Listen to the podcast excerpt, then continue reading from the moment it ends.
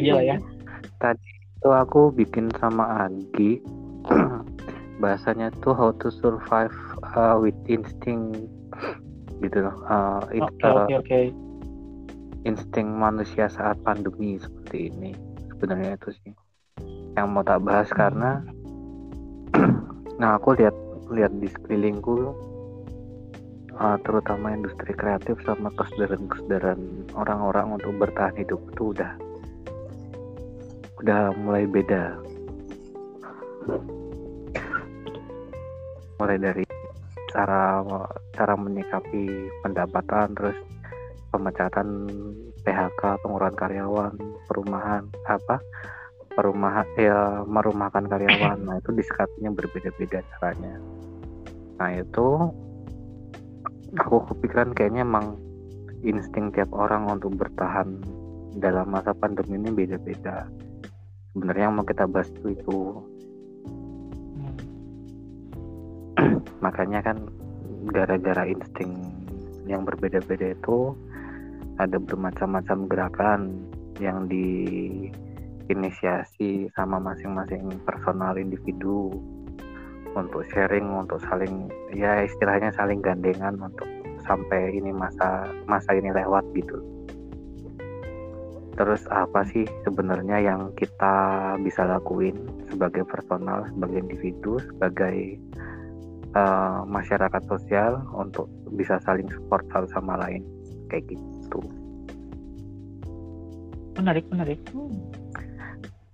Nah itu harusnya kan uh, nanti uh, ada kisi-kisinya sebenarnya. Kayak step step apa aja sih yang kita bisa lakukan mulai yang dari paling sederhana sampai nanti kita perkiraan dalam berapa lama kita berada dalam kondisi seperti ini. Terus langkah-langkah apa aja sih? Jadi setelah kondisi pandemi berakhir kita udah ready untuk lebih baik. Hmm. karena menurutku sendiri menurut pribadi saat pandemi seperti ini hanya ada dua tipe manusia. Yang jatuh banget apa yang masih tetap bertahan? Menarik menarik. Tapi dari, dari mana kita mulai? Nah. dari aspek ini kita menjabarkan uh, pengertian dari bertahan hidup itu sendiri mungkin ya. Kalau yang saya pribadi nilai dan melihat perihal hmm. segi bertahan hidup dari uh, pandemi ini bisa dikategorikan menjadi tiga sih supaya kita nggak ter apa ya terbolak-balik tercampur soalnya kan ketiga kelompok ini memiliki ciri khas yang tidak bisa dilimpahkan ke salah satu ke yang, yang lainnya gitu. Yang pertama eh, bertahan hidup bertahan hidup dari segi aspek individu ini kan jelas nih secara individu kita ya bisa uh, memikirkan bagaimana caranya untuk bisa survive dengan tetap menghasilkan, tetap berproduksi dan tetap bisa uh, sirkulasi kalau orang yang lagi wirausaha cash flow-nya masih tetap sehat. Tapi ini bisa disiasatin untuk dirinya sendiri gitu secara personal. Yang kedua adalah dari segi bertahan hidup secara kelompok atau secara organisasi. Ini terkaitannya sama dengan orang yang memiliki uh, badan usaha mungkin ya kayak mungkin uh, perusahaan perusahaan atau usaha-usaha yang memiliki jumlah karyawan yang banyak yang tadi Deo bilang akan sampai ada yang harus memotong memangkas tenaga kerjanya untuk efisiensi supaya tetap bisa survive uh, antara dilema antara memilih apakah dia harus menyelamatkan perusahaan atau menyelamatkan orang-orang uh, orang -orang yang bekerja di bawah di bawahnya gitu. Terus satu level lagi yang paling penting adalah level bertahan hidup. Levelnya level negara, level pemerintahan. Dan ini juga output dari uh, ke, kebertahanan hidupnya juga berbeda dengan dari segi, segi personal dan segi organisasi. Ya karena mengaruh kepada kebijakan orang banyak gitu. Terus juga kalau misal uh, contohnya kepala negara uh, dia ketika memberikan sebuah uh, sebuah apa ya sebuah polisi atau sebuah kebijakan itu tidak bisa berperan sebagai personal tapi harus sebagai negara gitu jadi kalau misal nah, untuk kalau, misal untuk kalau menurutku sih ya. Kalau misalkan pembahasan sampai terlalu jauh itu kayaknya uh, banyak banyak yang sudah pesimis. Kalau di keadaan lapangan yang sesungguhnya itu banyak sebenarnya orang-orang di sekitar kita sudah pesimis sama keadaan negara kita, keadaan pemerintahan kita. Jadi mereka punya daya kreatif yang yang di situ aku bilang itu insting bertahan hidup mereka itu. Mulai dari kesadaran akan pangan, uh, mereka sadar di sekeliling mereka itu sebenarnya bisa diberdayakan uh, lahan lahan yang tersisa di sekitar rumah mereka itu makanan mereka sebenarnya dan itu salah satu instingnya itu sebagai individu kalau menurutku ya le. yang step selanjutnya bagaimana caranya bertahan secara berkelompok dan membantu sesamanya? Nah yang tak lihat di khususnya di Jogja banyak banyak apa ya, organisasi-organisasi atau gerakan yang menginisiasi untuk memberikan makan gratis gitu ya. Nasi bungkus gratis makan gratis selama pandemi corona ada yang dananya dikumpulkan dari bermacam-macam sumber. Tapi menurutku ada efek negatifnya. Oke lah positifnya semua orang bisa makan. Negatifnya orang-orang itu jadi ketergantungan sama pemberian dari uh, beberapa gerakan atau dari banyak gerakan yang memberikan atau menginisiasi gerakan untuk memberikan makanan gratis ke orang-orang yang membutuhkan sebenarnya. Tapi satu sisi itu kan dua mata mata uh, dua mata pisau dua mata pedang yang tajam gitu ya. Satu sisi orang bisa makan tapi sisi lain mereka akan ketergantungan. Padahal sadar atau tidak tidak selamanya uh, organisasi atau gerakan itu mampu bertahan dalam kondisi pandemi nah itu kan sebenarnya harus ada solusinya. Apa sih insting kedua ya? Step kedua lah yang harus kita lakukan sebagai individu personal individu dan personal sebagai kelompok atau enggak bergu terus sebagai komunitas yang lebih besar di atasnya. Nggak usah terlalu gede ya untuk negara tapi wilayah dulu. Soalnya sebenarnya uh, lebih kompleks banget yang tak lihat ya di sekitarku karena aku punya karyawan yang sebenarnya harus dirumahkan. Uh, terus banyak sekitarku juga ada beberapa. Kalau di Jogja sih saat-saat ini banyak orang yang tiba-tiba jadi homeless atau enggak ya nggak punya rumah atau nggak nggak bisa makan. Mereka hanya nunggu jam atau waktu tertentu di pinggir jalan untuk mendapatkan bantuan makanan itu jadi kayak habit sama kultur gitu loh yang tak takutkan di situ kalau di Jogja itu kan masih hmm. banyak okay, ini okay. masih banyak lahan kosong gitu itu bisa kan jadi maksudnya dimanfaatin buat memberdayakan orang-orang itu ya kayak ya buat mempertahankan ya buat menyediakan pangan mereka jadi bisa nggak sih kayak gitu? Apa harusnya uh, sistemnya kayak gimana kalau mau membangun memberdayakan mereka itu orang-orang kalau yang sekarang kita lakuin itu sebenarnya sistemnya berangkat dari diri sendiri dan lingkungan sekitar kita sendiri. Kebetulan saat ini aku lagi gabung sama komunitas yang namanya SPD Solidaritas Pangan Jogja. Di satu sisi SPD itu kan memberikan bantuan makanan dari beberapa uh, bantuan makanan yang di yang donasinya didapatkan dari berbagai macam sumber.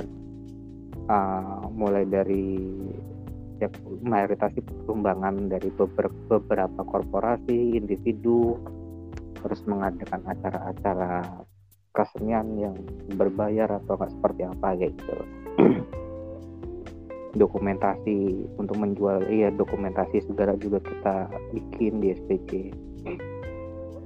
nah yang yang lagi tak pikir itu sebenarnya mengangkat kesadaran setiap orang yang punya rumah terutama yang punya lahan di sekitar rumahnya untuk mulai bercocok tanam uh, untuk memenuhi kebutuhan hidup mereka dulu dari rumah uh, dibesarkan lagi dari jadi tingkat RT jadi misalkan bayanganku tuh kayak kita tuh kita tuh negara agraris. Kita punya lahan bagus lahan subur.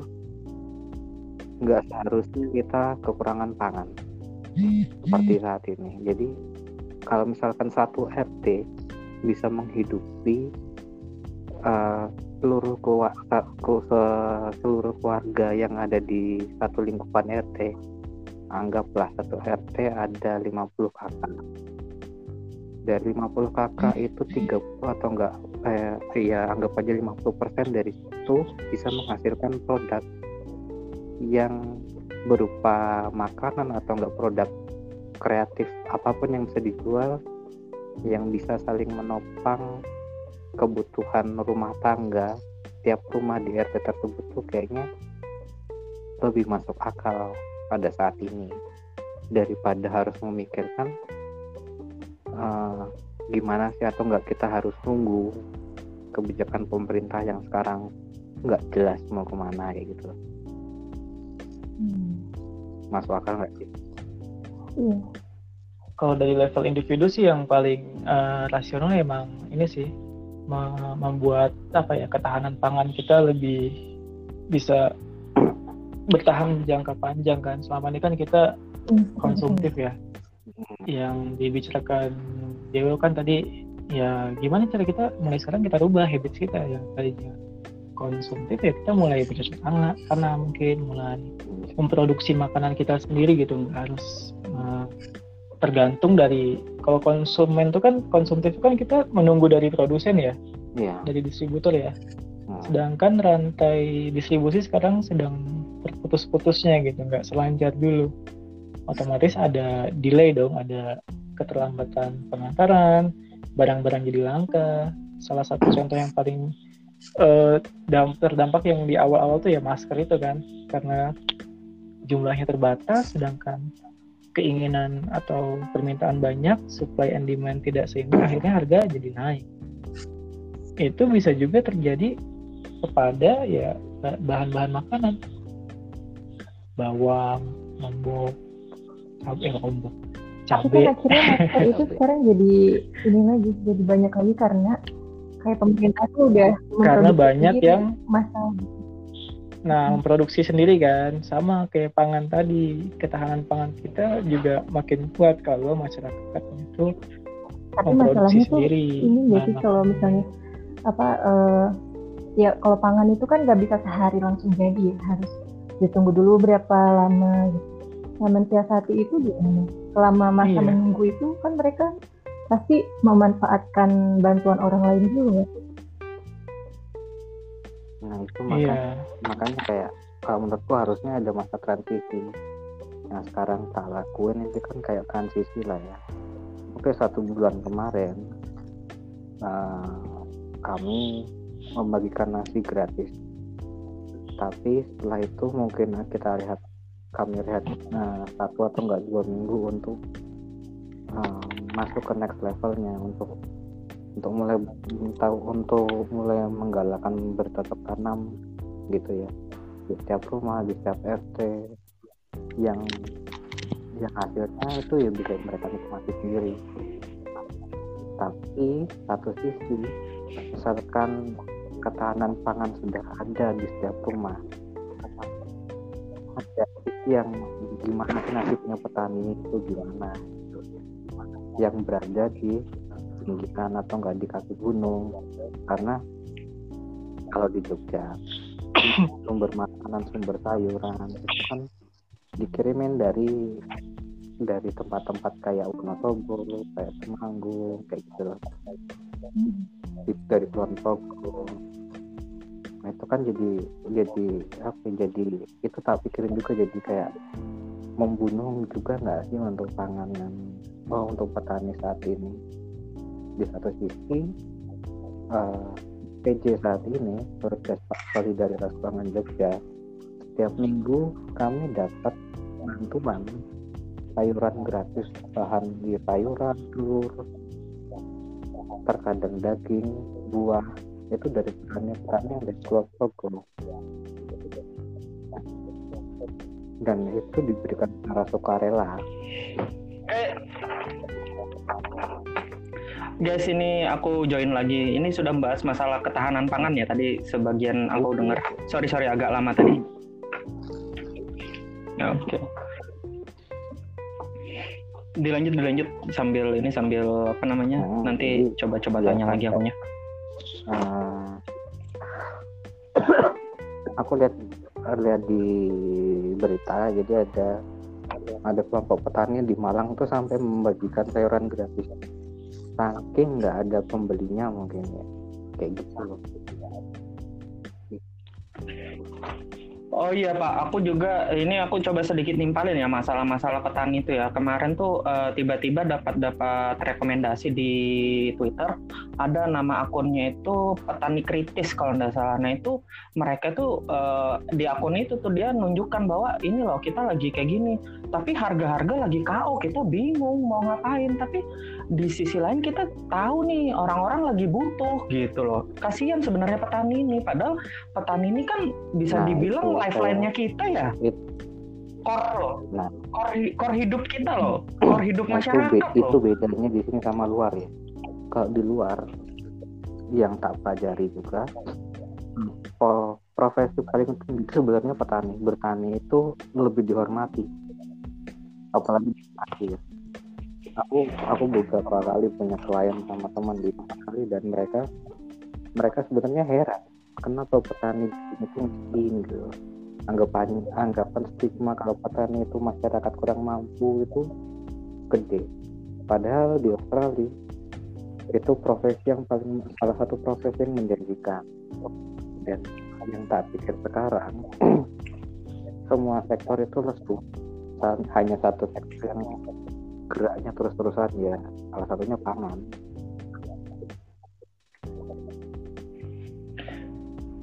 Agak ironis ya maksudnya sektor pangan ini jalan terus sektor pangan ini paling penting di masa-masa seperti ini. Tapi di sisi lain sektor pangan ini kepukul juga gitu loh. Padahal ini kan wow gitu loh.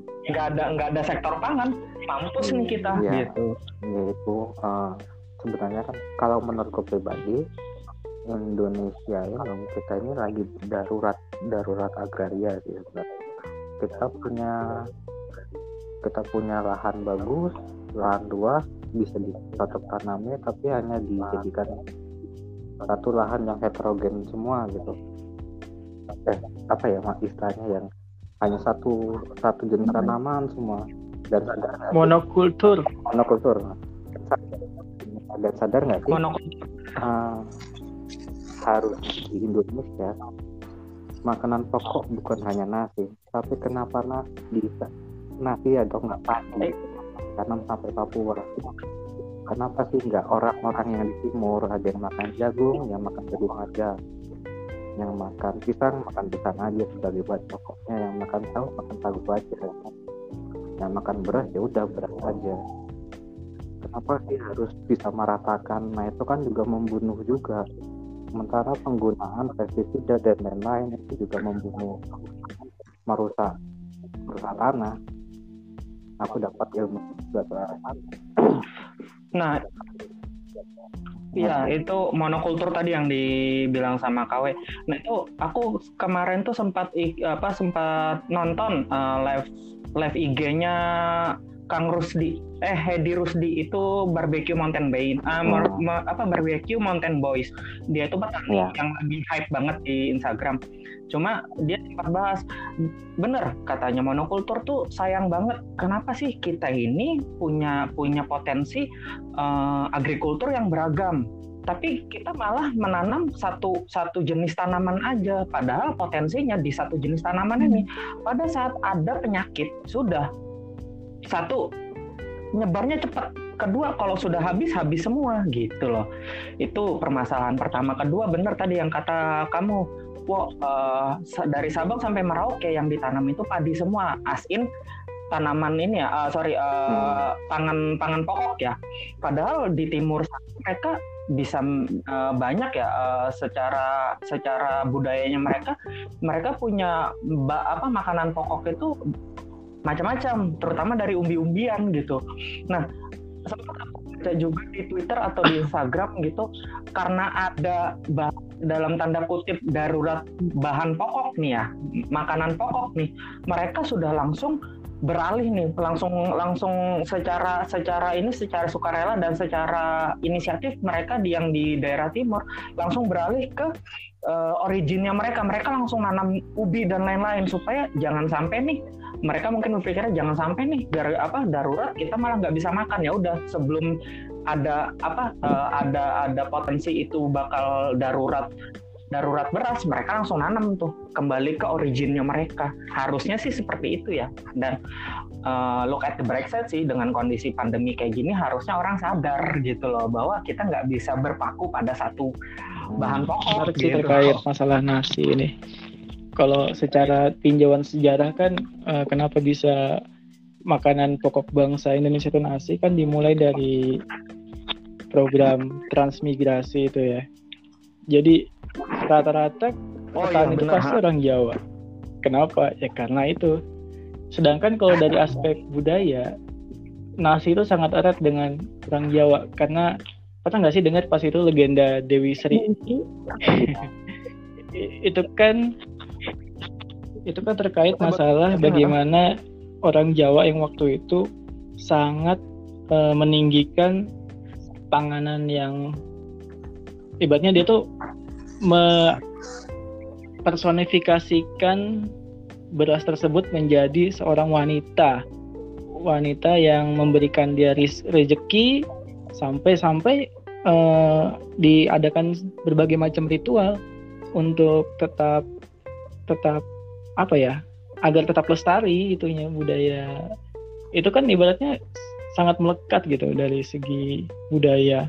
Nah, kenapa di uh, timur kita bisa lepas dari uh, beras. Karena ya budaya lagi kan. Orang Papua kebanyakan budayanya dia meng mengen mengendap ya. Apa sih? Sagu itu. Nggak dimakan kan sagu itu kan?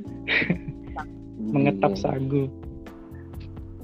Ya ya pokoknya seperti itulah iya, iya. budayanya iya. mereka gitu. Terkait masalah bagaimana kalau kita bisa lebih variatif nih dalam memproduksi makanan. Padahal kan karbohidrat nggak cuma dari beras hmm. kan. Kentang juga ada ubi nah, juga ada. Jagung singkong dan lain-lain ya banyak banget gitu loh.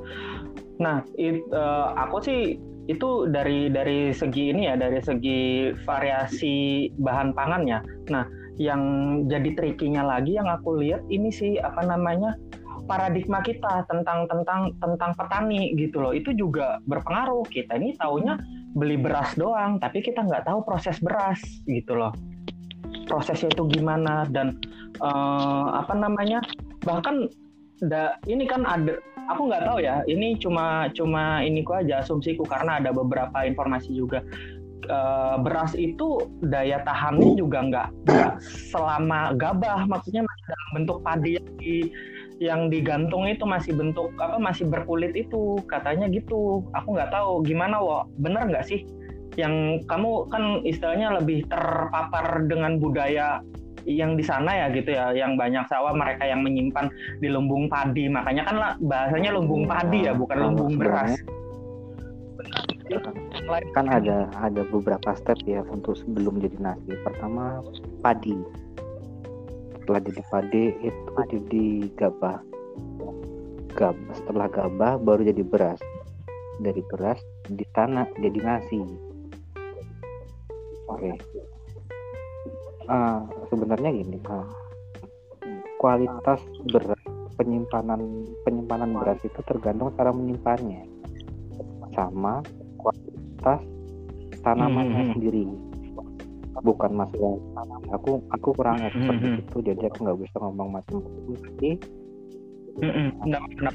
kita Tapi- sambil tapi explore masing-masing yang aku dapat dari beberapa eh, dari beberapa teman yang lebih expert gitu eh, di obrolan-obrolan santai itu eh, bibit beras itu bibit eh, bibit padi itu sebenarnya sudah diatur sama pemerintah aku lupa jenisnya apa dan itu Hmm. sebenarnya oke berasnya lebih putih lebih bersih tapi kualitasnya kurang karena itu tanaman sintetis jadi iya kan dibuat kan ini yang Mm-mm. anggapan kita misalkan nih kita ke supermarket melihat barang-barang atau enggak sayuran yang wortelnya bagus, padinya bagus, sayurannya bagus, itu pasti sehat, malah salah. Karena itu semua terpapar sama eh, rekayasa genetika, jadi bisa dibilang itu beras sintetis, sayuran sintetis yang dilabeli dengan sayuran organik itu. Kenapa bisa? Kenapa sih Hmm. sayuran-sayuran itu atau enggak beras-beras itu bisa bagus banget? Karena eh, kayak laler, terus semut atau enggak serangga-serangga gitu, enggak ada yang mampir di situ. Coba lihat deh, enggak ada yang mampir di situ. Sekarang logikanya gini, misalkan kita ke pasar beli ikan, kalau misalkan ikannya nggak ada lalernya, curiga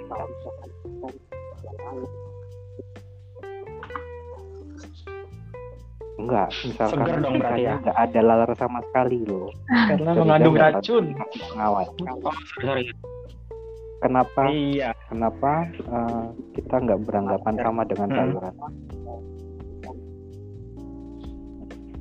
Ada loh Mungkin beberapa kasus.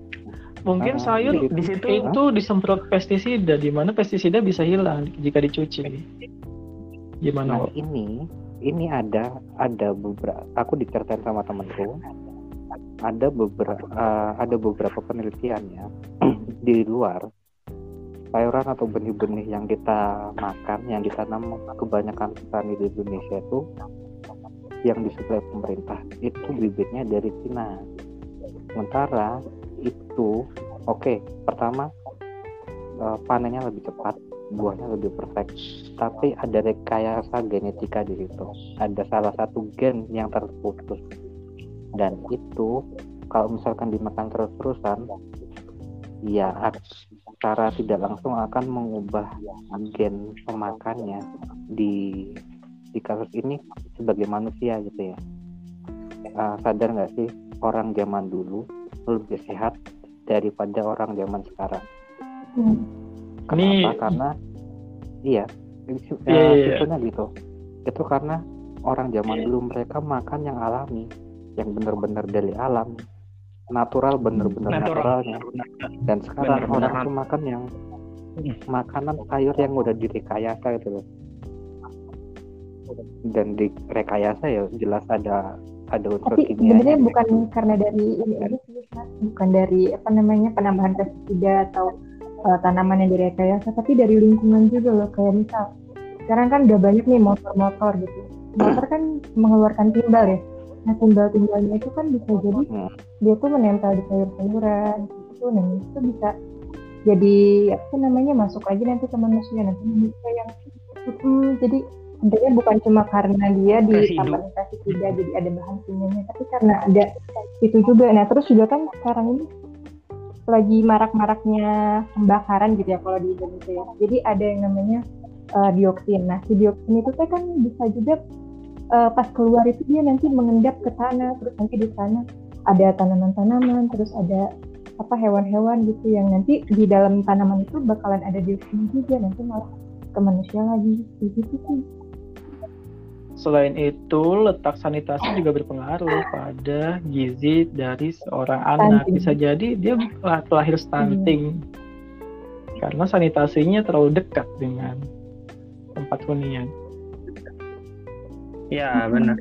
Nah jadi ya semuanya sebenarnya Nah, berkaitan apa ya sih yang gitu. bisa kita lakuin? Kita kan sudah selama ini kan udah ngerti udah sadar lah ya. Masalah tuh banyak banget. Sementara kita tuh tetap tidak punya solusi praktis atau enggak solusi jangka panjang untuk membenahi loh. Ini loh sebenarnya yang salah. Nah ya itu benar kalau aku sih ngelihatnya gini, kita terlalu fokus sama masalah yang bisa dibilang masalahnya ini kita taking personal gitu loh yang wah ini nih ganggu ini menurutku nggak gini jangan gitu. Maksudnya kita ayo kita cari solusi bareng ini nih sudah berubah nih. Ini nih ada beberapa sektor-sektor yang terancam bahkan sektor-sektor yang terancam ini sektor-sektor yang kita abaikan padahal itu yang paling penting gitu loh tapi kita masih terfokus sama masalah gitu loh. Maksudnya iya ini ada masalah kita ya udah jadi nature-nya manusia aja adaptif aja dulu sama masalah ini terus kita sudah terbiasa sudah adaptif ini. Makanya kan tadi ada aku di awal banget the new normal ya. Aku tadi baru apa sama Windy di awal banget kita nih ngadepin the new normal nih. Nah ya sudah kita jadikan ini new normal kita yang tadinya berbeda ya sudah kita rubah kita buat tatanan baru. As in misalnya nih kalau kita berbicara masalah pangan ya yang tadinya nggak tahu pangan nih gara-gara ini kita sebenarnya tahu ini kan gitu loh. kita nah juga sih ayo buat peduli merubah gitu loh. sikap gitu merubah habit kita. Jadi kayak sebelumnya kita tuh nggak bisa apa namanya menyediakan oh iya tadi iya itu benar. bercocok tanam menyediakan pangan sendiri. Sekarang karena adanya kondisi yang mengharuskan kita kayak gitu jadi kita belajar buat apa sih me- ya mengembangkan itu nanti kan kalau misalnya di nanti ke depannya ada lagi kondisi yang sama kita udah siap gitu udah nggak kaget lagi sama yang kayak gini gitu bener-bener Tapi kalau dari te- dari benar. Nah, terminologi ini- new normal Ah, tuh gimana? kayaknya kita ba- kayak nggak bakal kembali ke seperti semula gitu ya. Ya kayak ya- Ah. ya udah gini aja gitu. ya kalau kalau menurutku sebenarnya sih lebih adaptif ya. Kamu kalau kamu gimana? Wei? Kalau aku sih lebih ayo kita beradaptasi pada saat nanti ada mungkin kembali ya mungkin dengan dengan adaptasi itu kita pada saat yang kayak tadi dibilangnya Windy kalau misalnya ada kondisi kayak gini lagi kita nggak kaget gini gitu loh. Nah kalau kamu gimana? kalau? Wak, kalau tadi aku gini mau ngomong apa? kalau misalkan dari sisi sisiku sebagai arsitek new normal yang baru ini sebenarnya lebih Mm-mm. efisien tapi untuk untuk orang yang mampu. Tapi tidak sangat tidak efisien untuk orang yang tidak mampu. Gini misalkan kehidupan orang yang mampu akan jadi lebih sehat lebih tertata lebih teratur. Tapi orang-orang yang belum sampai ke step itu gimana mereka bisa hidup teratur kalau kalau untuk dapat pendidikan untuk sampai berpikir seperti yang kita obrolin ini sampai. Nah, berarti ya itu kan kita berarti sudah tahu nih root masalahnya eh, literasi dan edukasi. Nah, maksudnya eh, dari situ tuh kita sudah tahu oh ini nih ternyata core masalahnya tuh di situ literasi dan edukasi. Dan ini memang sebuah masalah yang duh dari zaman kapan sih gitu loh. Dan ini nih salah satu salah satu eh, batu sandungan yang paling gede nih yang be- benar-benar ganggu nih gitu loh yang benar-benar sudah ngerombak semua orang. Bahkan yang bisa dibilang orang dengan edukasi ya educate educated ya tapi educated formality educated mereka pun nyatanya nggak bisa survive gitu loh. Padahal ya bisa dibilang mungkin punya punya punya pekerjaan yang mapan atau punya gelar yang wah gitu tapi nyatanya pada saat dihadapkan kondisi kayak gini mereka nggak bisa apa-apa. Makanya kan eh, di sini adaptif dan kayak tadi ada pembahasan kita belajar lagi gimana cara swasembada pangan dan lain-lain. Nah berarti di sini nih kita aku bilang ini titik titik balik di mana kita mengembalikan eh, apa sih namanya Ya, originnya kita kita ini apa sih gitu loh ya basic life skill kita ini sudah hilang Kapital memegang peran basic penting basic skill. Bahkan juru bicara COVID pun mengatakan yang kaya, ayolah kita bantu orang-orang miskin dan yang miskin jangan menulari yang orang-orang kaya, ya kan? itu itu itu nggak enak itu banget bahasa itu, itu aku nggak suka sih. banget bahasa itu soalnya soalnya soalnya Pahit itu. uh, aku uh, oke okay lah misalkan banyak ada orang bilang lapar aku butuh makan atau butuh makan. Aku dengerin itu sudah biasa. Tapi dalam lingkunganku kebanyakan karyawanku itu tidak tidak akan meminta uang atau tidak akan meminta makanan ke aku pribadi. Tapi mereka lebih meminta pekerjaan kenapa pekerjaan? Karena dari pekerjaan mm -hmm. mereka bisa manage itu masing-masing gitu pendapatan mereka akan termanage dengan sendirinya. Entah itu bikin usaha bikin usaha A B C untuk beli makan di A B C atau enggak. Seperti mereka bertahan. Intinya dari kondisi seperti ini gimana sih kita sebagai yang orang yang mungkin masih bisa bertahan sampai saat ini bisa memberikan uh, new normal yang baru untuk orang-orang yang posisinya tidak lebih baik dari kita. mm -hmm. Oke okay lah, misalkan lebih ke memberdayakan gitu ya. Di tempatku sudah ada pengurangan tenaga kerja ya mm -hmm. di tempat temanku. Kalau di tempatku pribadi, aku bekerja dengan sistem kerjasama pemberdayaan desa aku tidak memberikan pekerjaan untuk satu desa karena emang belum ada yang bisa diproduksi. Jadi tidak ada pengurangan pengurangan pengurangan tenaga kerja, tetapi ada beban moralku karena pendapatan mereka satu desa akan menurun.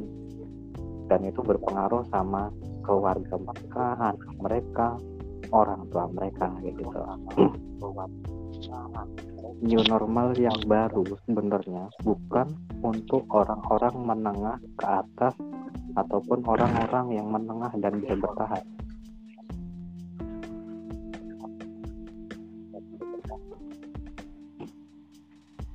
New normal yang baru justru untuk orang-orang yang seperti itu, gitu kan? Nah, ini sebenarnya uh, agak melenceng tapi bisa dibilang agak seru deh dibahas. Nah, jadi uh, sekitar mampu untuk menciptakan uh -uh. sesuatu yang bisa mengkatrol kehidupan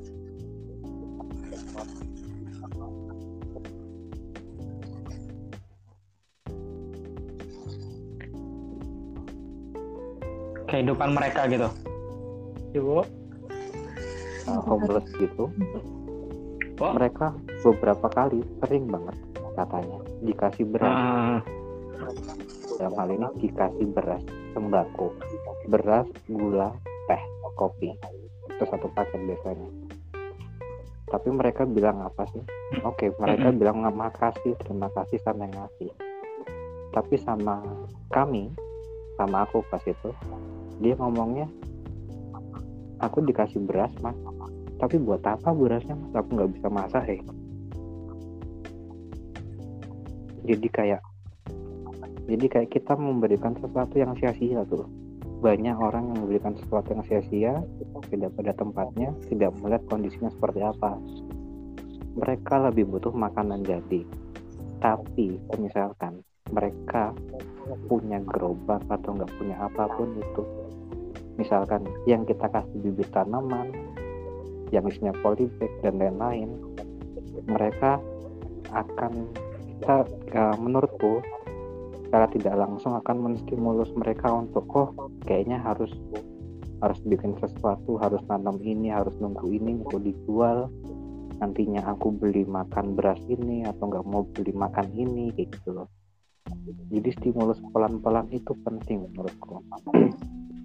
Dari yang paling dekat sama kebutuhan dasar manusia yaitu pangan dan kondisi seperti ini kayaknya lebih cocok untuk bergerak seperti itu.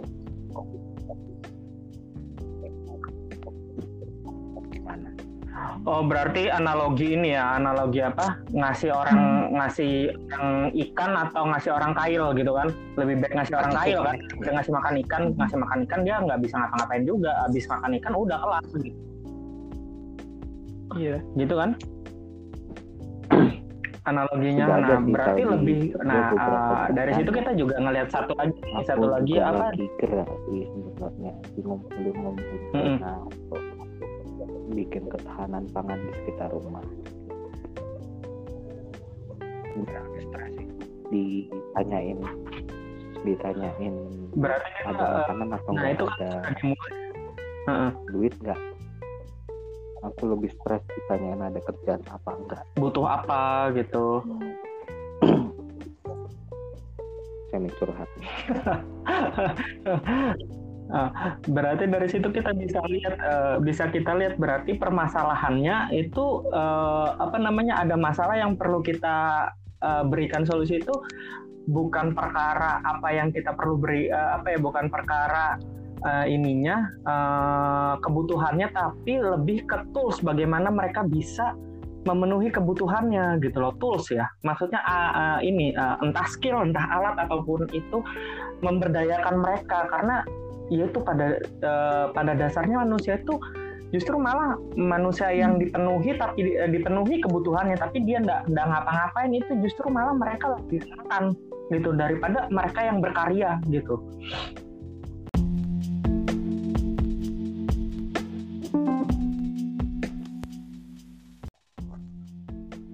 Oh, Cuma coba menarik sih kalau deh. misal kembali kepada eh, penjabaran pertama kali yang eh, aku coba untuk pisahkan dan tidak dicampur baurkan. Yang pertama kan ada level personal. Yang kedua level kolektif berkelompok Mm-mm. yang kayak Dewo bilang tadi yang sampai eh, beliau galangkan. Yang ketiga adalah level negara kan. Kalau misal dari segi personal ya setiap orang punya Ya. Strategi masing-masing untuk uh, mengadakan ketahanan pangan. Kalau misal emang dia melihat ketahanan pangan ini sebagai sebuah permasalahan soalnya kan setiap manusia juga punya masalahnya masing-masing ya. Dia nggak kita nggak bisa menstereotipkan atau menghantam ratakan bahwa ini masalah pangan. Bisa jadi yang satu masalah eh, ini finansial. Makanannya banyak tapi finansialnya Ya. nggak ada nah kalau secara kelompok ya benar solusi yang dikatakan jubir covid itu yang orang-orang mampu ayolah sama-sama kita bergerak untuk membantu orang-orang yang nggak mampu. Itu kan dihimpun dari dana masing-masing kan dari koceknya. Kadang juga ada yang membuat semacam donasi secara kolektif yang kita bisa.com, Twitter do your magic gitu-gitu kan. Itu kan juga aktivitas kolektif. Tapi kita juga jangan lupakan kita Iya, juga punya negara yang punya anggaran bertriliun rupiah yang mereka itu juga butuh butuh sinergitas antara kelompok personal dan negara ini bisa harusnya bisa jalan bareng. Soalnya negara ini kan dia punya banyak sumber daya eh, sumber daya yang bisa sum- sumber daya finansial cuma kad- yang sering kita lihat ya metode-metode yang digunakan kadang juga kurang tepat. Yang saya lihat sih mungkin mereka nggak saling duduk bareng untuk mendefinisikan masalah mana sih yang perlu kita pertama tanggulangi. Sampai saat ini kan kita lihat eh, PR paling Nah. top teratas adalah masalah pengadaan alat-alat medis ya. Itu kan yang jadi belanja yang paling banyak sampai-sampai. PNS-PNS di ber- berbagai daerah itu sampai dipotong Hmm. gajinya untuk mengadakan alat-alat medis, membayar jasa medisnya, Oh. di mana yang selama ini polisi-polisi itu pulang kerja langsung ke rumah, eh dia dapat tugas tambahan untuk menjaga Hmm. jalan yang ternyata jalan itu juga bisa dilalui juga sama orang lewat samping kan sebel juga kan. Kenapa sih? Itu kan dia itu kan dia dibayar juga kan. Kenapa. Ada di balik papan itu. Dia kan di- jadi Jadi ada Wah, ada satu bagian jalan yang ditutup eh tapi dan itu ada tetap aja petugasnya dan petugas dibayar dari anggaran negara tadi. Nah, coba deh kita sama-sama kalau misal mau solusi yang eh, konkret ya emang harus ini antara personal kita sebagai individu dan kelompok-kelompok orang-orang yang memiliki berlebih itu juga sama pemerintah yang ini punya modal bisa sama-sama bersinergisitas bisa saling bersinergi bener. Nah kemarin kemarin ini aku ada ada nge-share ini ya. Aku senang banget kutipannya Mas Akar dari Joska itu. Dia ngomong harusnya uh, bukan mas ini apa harusnya ada kerjasama konkret antara pemerintah sama sektor private gitu loh, sektor swasta gitu loh. Jangan yang pemerintah gerak swasta diem, yang uh, yang swasta diem apa yang swasta gerak pemerintah diam harusnya saling bersinergi antara itu uh, swasta ini kan asin ya tadi yang kamu bilang dari level personal, grup, organisasi bahkan hmm. sampai ke company harusnya juga saling kayak gitu kan. Maksudnya ayo kita kita kita kerjasama nih gitu loh. Nah dari situ kita bisa nanti ngumpulin ngumpulin data. Nah kalau aku bilang apa yang apa yang terjadi di, di yang kita hadapin sekarang ini entah itu dari dari berita atau yang kita lihat kok penanggulangan pemerintah ini kok kayaknya aut-autan gini aku bisa bisa menyimpulkan satu ini sampel datanya nggak jelas. Makanya mereka penyelesaian masalahnya juga nggak jelas gitu loh. Nggak nggak ini nggak runut nggak bisa ini nggak bisa apa nggak bisa tepat sasaran dan lain-lain. Itu sampel datanya juga nggak jelas. Dan sampel data ini juga apa sih penyebabnya? Oh, tidak ada transparansi dan lain-lain dan tidak ada kerjasama yang apik di sini gitu loh. Nah, uh, aku sih berharap dengan dengan dengan diskusi kita ini mungkin kita gerakan ini kan kita sudah mulai membuat sebuah gerakan yang gerakan kecil dari dari dari lingkaran kecil aja dulu. Why not nih dengan begini ini kita bisa memberikan memberikan pengetahuan, memberikan edukasi, memberikan literasi di mana ini loh kita mesti kayak gini gitu loh. Ayo kita ini mesti kita gerakan gitu loh yang kayak gini kayak gini gitu loh. Kita mesti tahu dan kita mesti paham bahwa di luar sana ternyata orang juga ternyata pada uh, pada pada kenyataannya nggak butuh yang namanya bansos. Eh ternyata mereka lebih butuh tools how to how to survive-nya butuh skill gimana supaya bisa menghadapi beradaptasi di situasi yang seperti ini gitu. Ternyata itu yang lebih penting gitu. Terus dari segi segi ininya dari segi apa? Dari segi uh, apa uh, bisa dibilang sektor-sektornya oh ini kesehatan seperti ini ini uh, apa uh, efeknya gini gini gini. Nah itu kan sebenarnya berkaitan semua ya jadinya. Itu sih aku ngelihatnya ini kok kayaknya kesalahan kesalahan pengambilan keputusan ini apa? Oh data gitu loh. Dan di sini nih aku bener-bener have no idea orang Indonesia nih gimana sih pola pikirnya. Aku bingung ya. Maksudnya bukan bukan mendiskreditkan ya cuma aku bingung dari awal ben, uh, bencana. Awal hmm. pandemi ini aja orang sudah berpikir untuk taking profit yang asin kemarin masker dan lain ya. Loh kok bisanya kamu mikir kayak gitu loh ini nih aku nggak nggak habis pikir kok bisa bisanya gitu loh. Kamu kok bisa bisanya mikir ini nih bencana loh bencana mungkin, semua orang efeknya panjang itu gitu ya. apa kamu bilang Harusnya tadi kita berpikir... insting untuk bertahan hidupnya dia itu. Dengan menjual masker. Nah insting berharap insting bertahan hidupnya tapi dengan mungkin dengan ininya dengan apa mohon maaf ya bukan di, di bukan mendiskreditkan mohon maaf nih uh, insting bertahan hidupnya tapi tidak di tidak dibarengi dengan uh, pengetahuan dan edukasi yang beraninya mumpuni jadi yeah. dia pikirnya ah aku nggak peduli sama levelnya orang, gitu. itu levelnya level-level personal banget itu iya. personal gain uh -uh, nah personal gain nah personal gain tapi tanpa di, di dibarengi dengan ini dengan knowledge dan literasi yang baik literasi yang baik itu bukan bukan berarti kamu dengan berpendidikan S2, S3 ya you name it lah, tapi benar-benar edukasi yang kamu aware dengan keadaan, kamu aware yang yang ini bahwa oh nggak bisa kayak gitu tuh, uh, gitu loh. Nah, tapi nyatanya ya banyak yang dengan hmm. level edukasi tinggi tuh malah justru egonya makin gede gitu loh, kok bisa ya? itu sih. Nah makanya aku kalau bisa dengan dengan ini nih dengan gerakan kecil ini ayo kita kasih apa kasih sebuah ini nih apa insight lah pencerahan atau gimana. Ayo Jadi dibutuhnya tuh ini gak sih kesadaran diri gitu. apa sih orang dulu gak sih? Dari gitu situ baru kita nah, melangkah ke kelompoknya itu lebih mudah gitu. Kalau orang-orang udah egois dari awal gimana mau membentuk kelompok yang bisa ngapain Iya benar. Tapi menarik menarik juga sih tadi yang insting untuk bertahan hidup secara sangat-sangat personal itu juga kalau dipikir-pikir dia juga nggak butuh awareness untuk aware terhadap orang lain. Yang penting kan dirinya udah tercukup dengan menjual masker yang mahal gitu. Itu mah berlebih bukan nah tercukupi.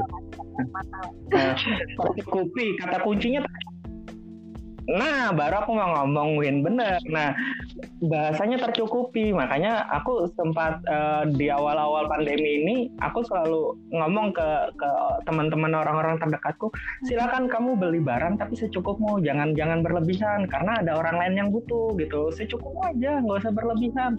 Jangan sampai gara-gara kita berlebihan orang lain nggak dapat, malah efeknya gede. Nah itu ya, maksudnya dengan ini kita ayo kasih awareness itu loh. Yang penting cukup dulu gitu cukup yang lain ada uh, Nah, terus masalah tadi ada bahas masalah ini ya pembiayaan dan anggaran dan lain-lain ya. Ini aku dapat ini dapat dapat pembahasan menarik kemarin tuh yang harusnya kita jadikan konten we yang cuma aku nggak datang. itu ini masalah Ziswaf ini sebenarnya ini teaser aja sih nanti kita bahas di next episode Jitswaf. Nah, potensi Jitswaf itu zakat, infak, sodaka, wakaf itu uh, dari ini badan eh sorry kemarin tuh badan amil zakat nasional Basnas kah atau oh dompet duafa sorry dari dompet duafa lembaganya namanya dompet duafa. Nah mereka itu mengumpulkan dana umat itu yang setahu kita yang namanya uh, apa dana-dana umat itu biasanya di, di, di, di ini kan di apa disebarkannya dalam bentuk apa? Dana tunai langsung atau dalam bentuk barang yang siap konsumsi.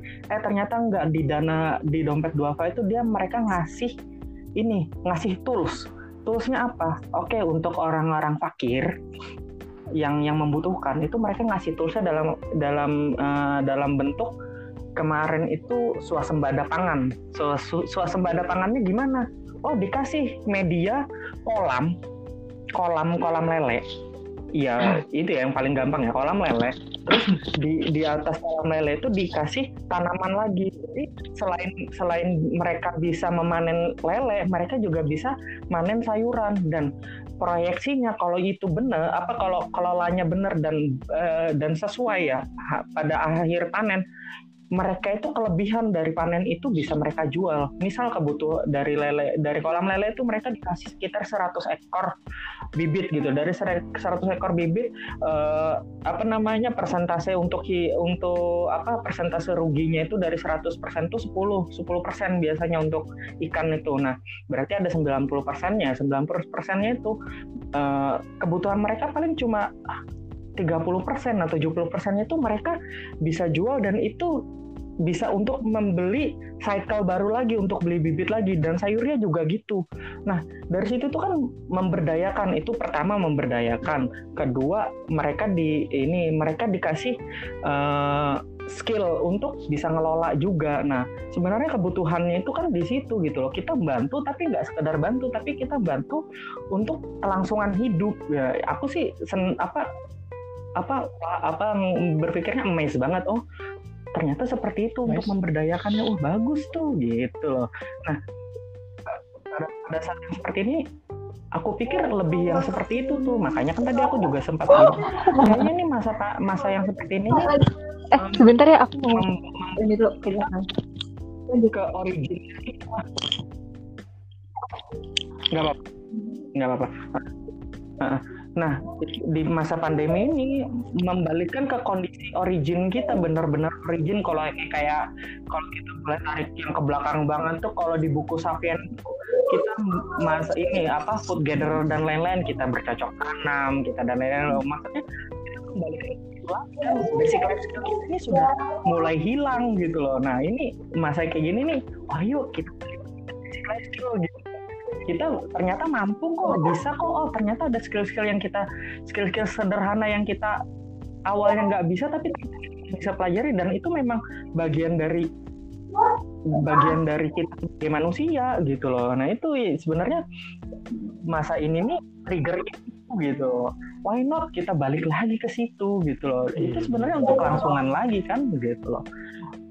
Apa sih? Dimulai dari iya dengan sih. cara mendomestifikasi hewan. oh, iya. Menjadi hewan ternak. Kita harus mulai nah. berternak nah, gitu loh. Ya, ya mulai aja dulu gitu loh. Apa apa pun lah lakukan apa yang yang yang dulunya kita nggak Ya, bisa ya, lakukan ya dicoba-coba aja lakukan gitu loh. Dan eh, mumpung nih lagi masa kayak gini nih harusnya bukan bukan jadi sebuah sebuah ini sebuah kendala atau sebuah momentum untuk berkeluh kesah atau malah menghujat atau ya complaining ya pokoknya semuanya lah itu bukan bukan itu sih justru malah dengan kondisi seperti ini di mana kita punya banyak waktu kita nggak usah fokus sama masalah kita fokus sama solusi. Ya solusinya nggak usah yang nggak usah gede-gede banget yang nggak usah yang sampai ke level yang gimana gimana solusi ke diri sendiri aja dulu. Ini mumpung ada punya waktu banyak ya asah aja asah aja ini skill kita banyak kok justru aku sangat sangat beruntung banget nih di masa pandemi ini kondisinya seperti sekarang. Kenapa aku bilang kondisinya seperti sekarang? Wih, informasi luar biasa. Aku yang awalnya nggak tahu jadi tahu. Aku yang ini kita uh, benar-benar lintas waktunya luar biasa untuk informasi dan ilmunya wow wow banget. Silahkan aja mau cari apa juga pasti ada kok. Apa sih? Cuma ya itu sayangnya masyarakat kita terfokus sama yang jadi polarisasi gitu loh. Apa yang mereka pengen tahu, apa yang mereka pengen dengar tuh ya yang yang yang secara esensi itu gak penting gitu loh. Kamu ngapain yang kayak gituan gitu loh. Kamu ngapain sih menyebarkan informasi yang nggak ada esensinya apa-apa? Justru membuat dirimu malah makin stres gitu loh. Tapi disuruh belajar disuruh ini di, dikasih dikasih yang yang edukatif yang nambah skill yang upskilling malah nggak mau. Yang gratis saya nggak mau apalagi yang bayar. Boro-boro bayar gitu kan. Padahal itu buat mereka sendiri gitu buat diri sendiri kan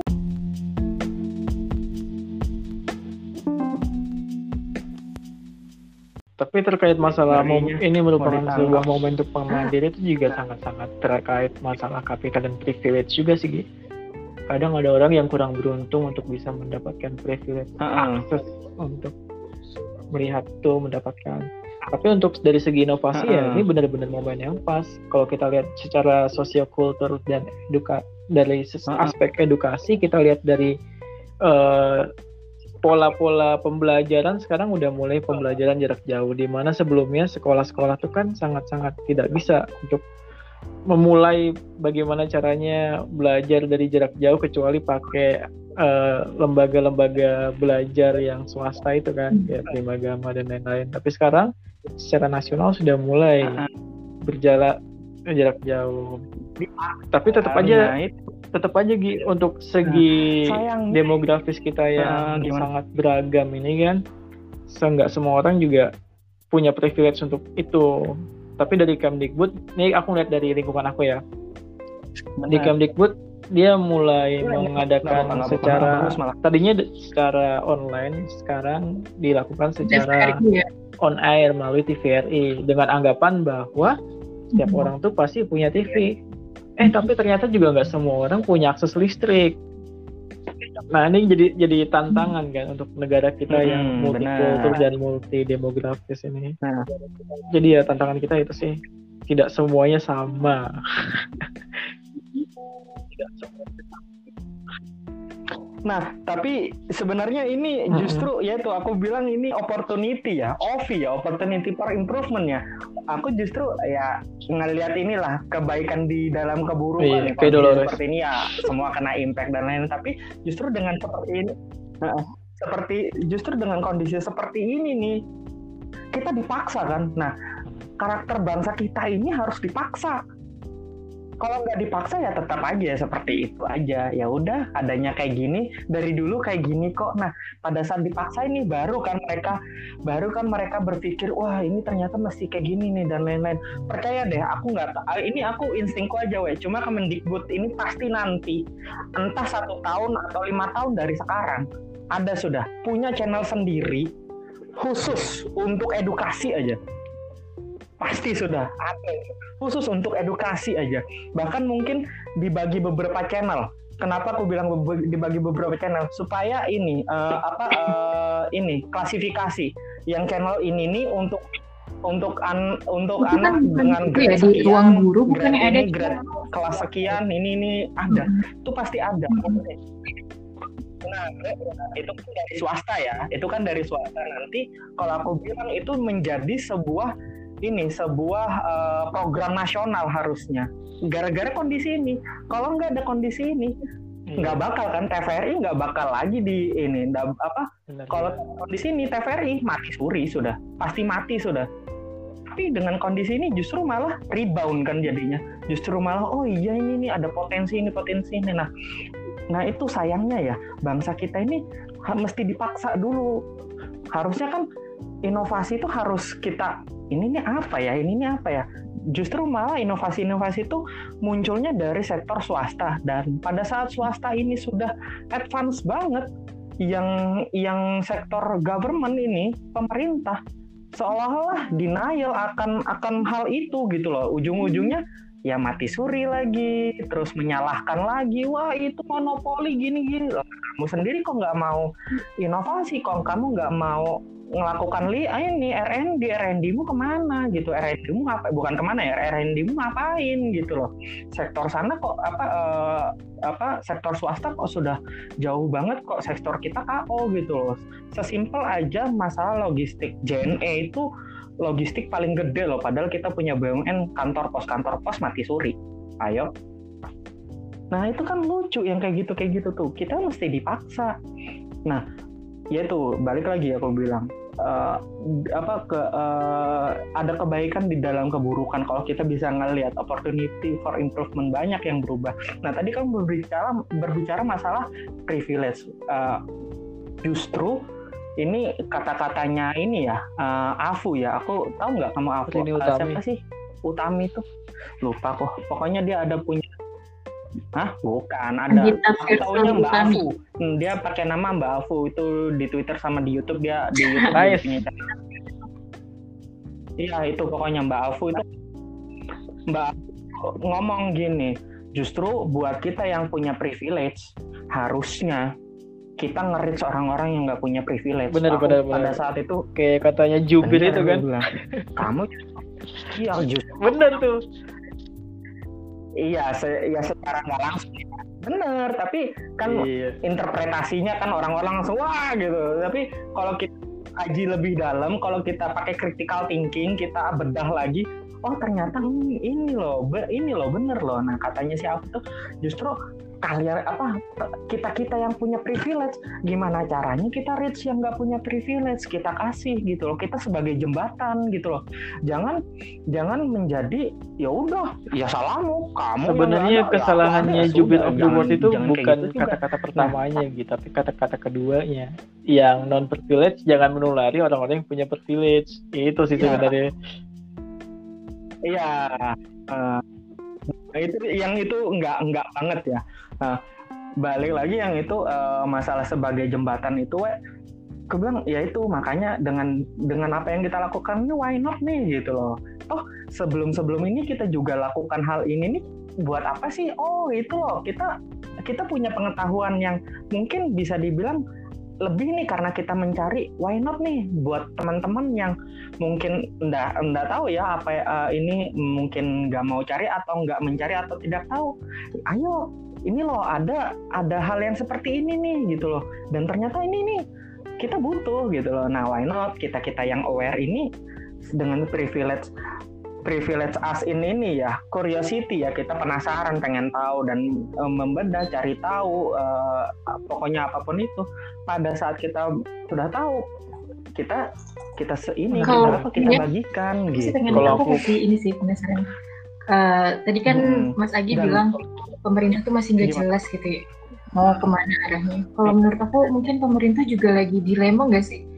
Di satu sisi dia tuh harus ya. menyelamatkan masyarakatnya kan, ya benar-benar harus menentukan satu kebijakan yang pasti. Tapi di sisi lain kan ya tadi yang ekonomi itu juga mereka mungkin masih belum ya memang belum masih punya solusinya gitu yang benar-benar efisien dan efektif gitu kan mungkin jadi kenapa masyarakat eh kenapa pemerintah masih belum jelas arah kebijakannya mungkin karena itu kan jadi kita juga kadang nggak bisa ini juga sih maksudnya uh, apa ya nggak bisa iya, benar-benar iya. langsung uh, nyalahin pemerintah juga kali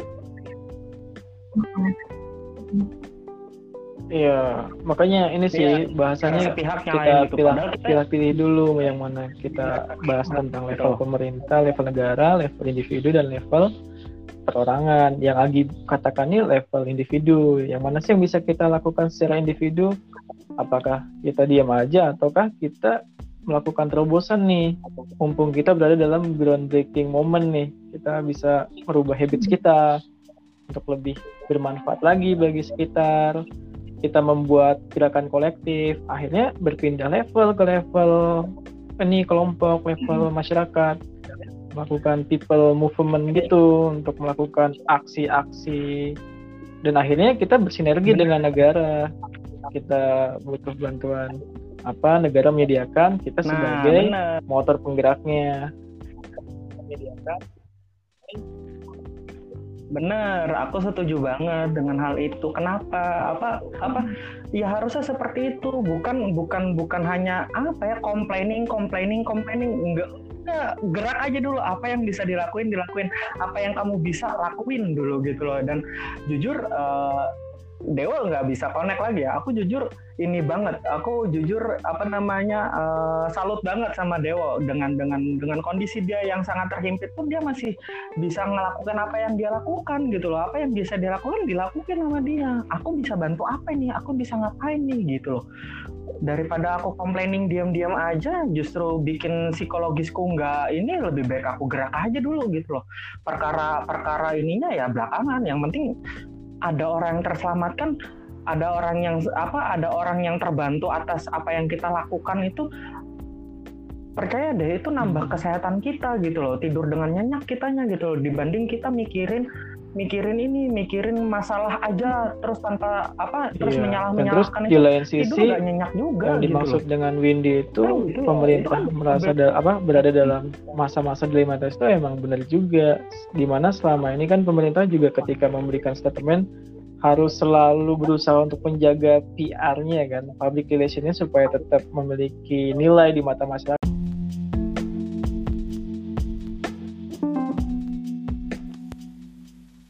ayam oke jadi ya gitu pak eh, pembahasan. Ayam di sini ke next.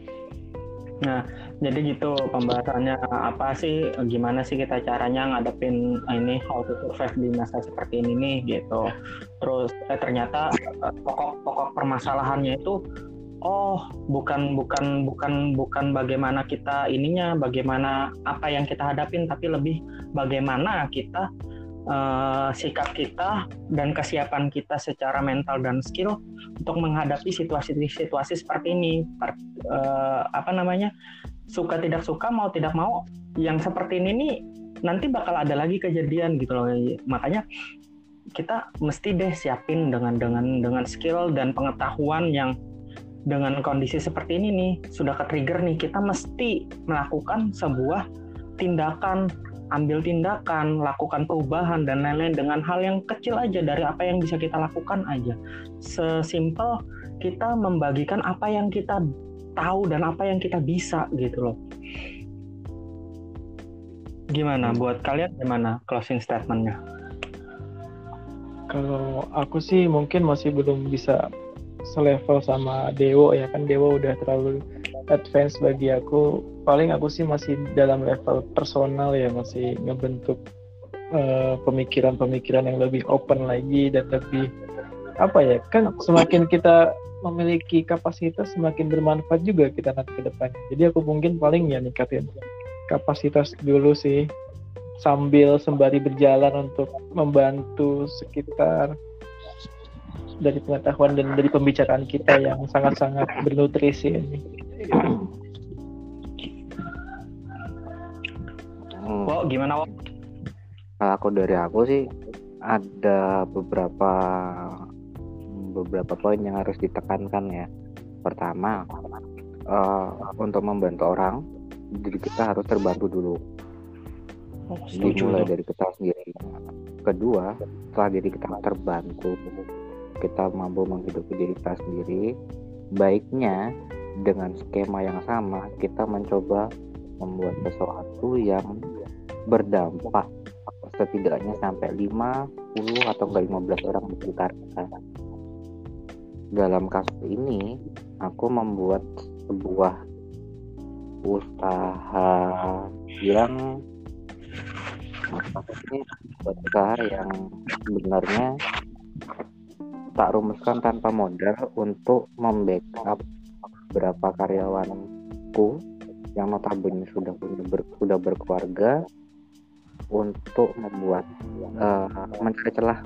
Kita nyari uh, aku mendapatkan celah di salah satunya di di kebutuhan pangan setiap orang. Jadi aku membuat hmm, membuat apa ya istilahnya yo kelompok usaha yang terdiri dari empat kakak yang masing-masing kakak bervariasi. Ada yang 4 sampai 5 4 sampai 6 kepala per kakak.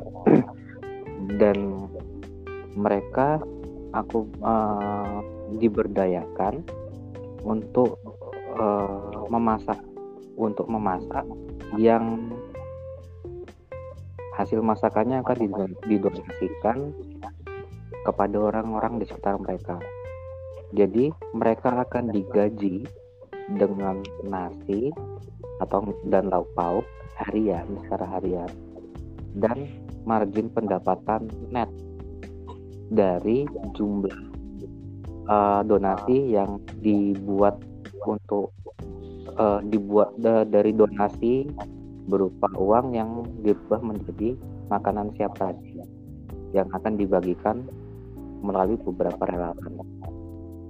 Itu tahap kedua. Tahap ketiganya, uh, aku berpikir untuk memberdayakan orang-orang yang sudah uh, jaringan yang sudah ada dari step 1 dan step 2 untuk membuat sesuatu yang lebih eh, advance lah dan lebih intens yaitu mulai memberdayakan mereka untuk bercocok tanam di halaman rumah mereka masing-masing. Jadi uh, kami uh, aku pribadi dan tim lagi mencari donasi untuk uh, mendapatkan benih bibit sayur-sayuran yang kira-kira bisa panen dalam waktu yang cepat. Pertama, hmm untuk kebutuhan dapur mereka. Kedua, uh, untuk uh, untuk dibikin uh, untuk membuatkan mereka sebuah branding yang dikemas menjadi sayuran yang lebih sehat, lebih organik dan bisa didistribusikan ke ke masyarakat, ke market terutama. Dan itu otomatis akan meningkatkan nilai pendapatan masing-masing kakak itu yang baru tak hmm. Jadi uh, bisa dibilang uh, dengan dengan dengan yang seperti ini nih apa yang kita bicarakan itu sebisa mungkin kita nggak usah lagi fokus sama apa yang kita hadapin tapi gimana kita cari solusi dan dengan background kita yang masing-masing yuk kita buat sebuah movement di mana dengan dengan dengan apa yang kita bisa kita lakuin kita bisa berdampak. Mungkin dari dari dari kamu sebagai ini wo sebagai apa pengusaha dan punya punya banyak relasi yang perlu yang kamu juga ngerasa aku nih bisa melakukan sesuatu yang bisa berdampak nih. Hmm. ya apa tetap lanjutkan gitu loh tetap kita lanjutkan tetap uh, tetap dilanjutkan sebisa mungkin. Nah dari dari KW yang uh, apa background dari ini sebagai sebagai PNS dia bisa memberikan apa uh, pengetahuan dan edukasi dan lain-lain yuk kita dengan dengan media ini juga ini loh nggak apa ada apa ada ada ilmu-ilmu yang sebenarnya oh ternyata ilmu ini berguna loh gitu. Awareness dan dari aku dengan apa yang aku punya pengetahuan aku punya dan yang selama ini aku lihat gitu juga oh ini loh kita nih nggak usah nggak usah fokus sama masalah kita ini loh ayo kita buat movement ini siapa tahu dengan movement ini dari hal yang kecil aja dari dari diri sendiri aja kita buat gerakan secara kolektif kole, apa kolektif justru malah nanti impactnya gede gitu loh. Kita mulai aja dulu ya, gitu ya. apa sih susahnya gitu. Ya ya benar benar itu sih ya. Jadi makanya senang banget ya dengan multi background kayak gini dengan dengan multi background seperti ini nih kita dengan perspektif kita dengan sudut pandang dengan dengan apa dengan apa yang kita hadapin di masing-masing uh, lingkungan kita oh ternyata ada satu kesamaan yang kita bisa lakukan dengan uh, personal kita sendiri gitu loh maksudnya dengan dari mulai dari diri kita sendiri apa yang kita punya apa yang kita kemampuan kita oh kita bisa kok gitu loh itu sih aku lebih lebih lebih ininya di situ gitu loh ayo kita gerak gitu loh ayo kita berikan apa gitu ayo ayo kita ayo kita belajar gitu. ayo. Nah, itu poinnya. Ayo kita belajar bareng gitu sih. Oke deh, thank you banget oh, ya, buat malam kasih, ini. Terima kasih, Bapak. Terima kasih. Malam minggu ini, Thank you, thank you. Iya nih. Thank you. Jadwal kencan terganggu, tapi nggak apa-apa, bernutrisi. Makasih.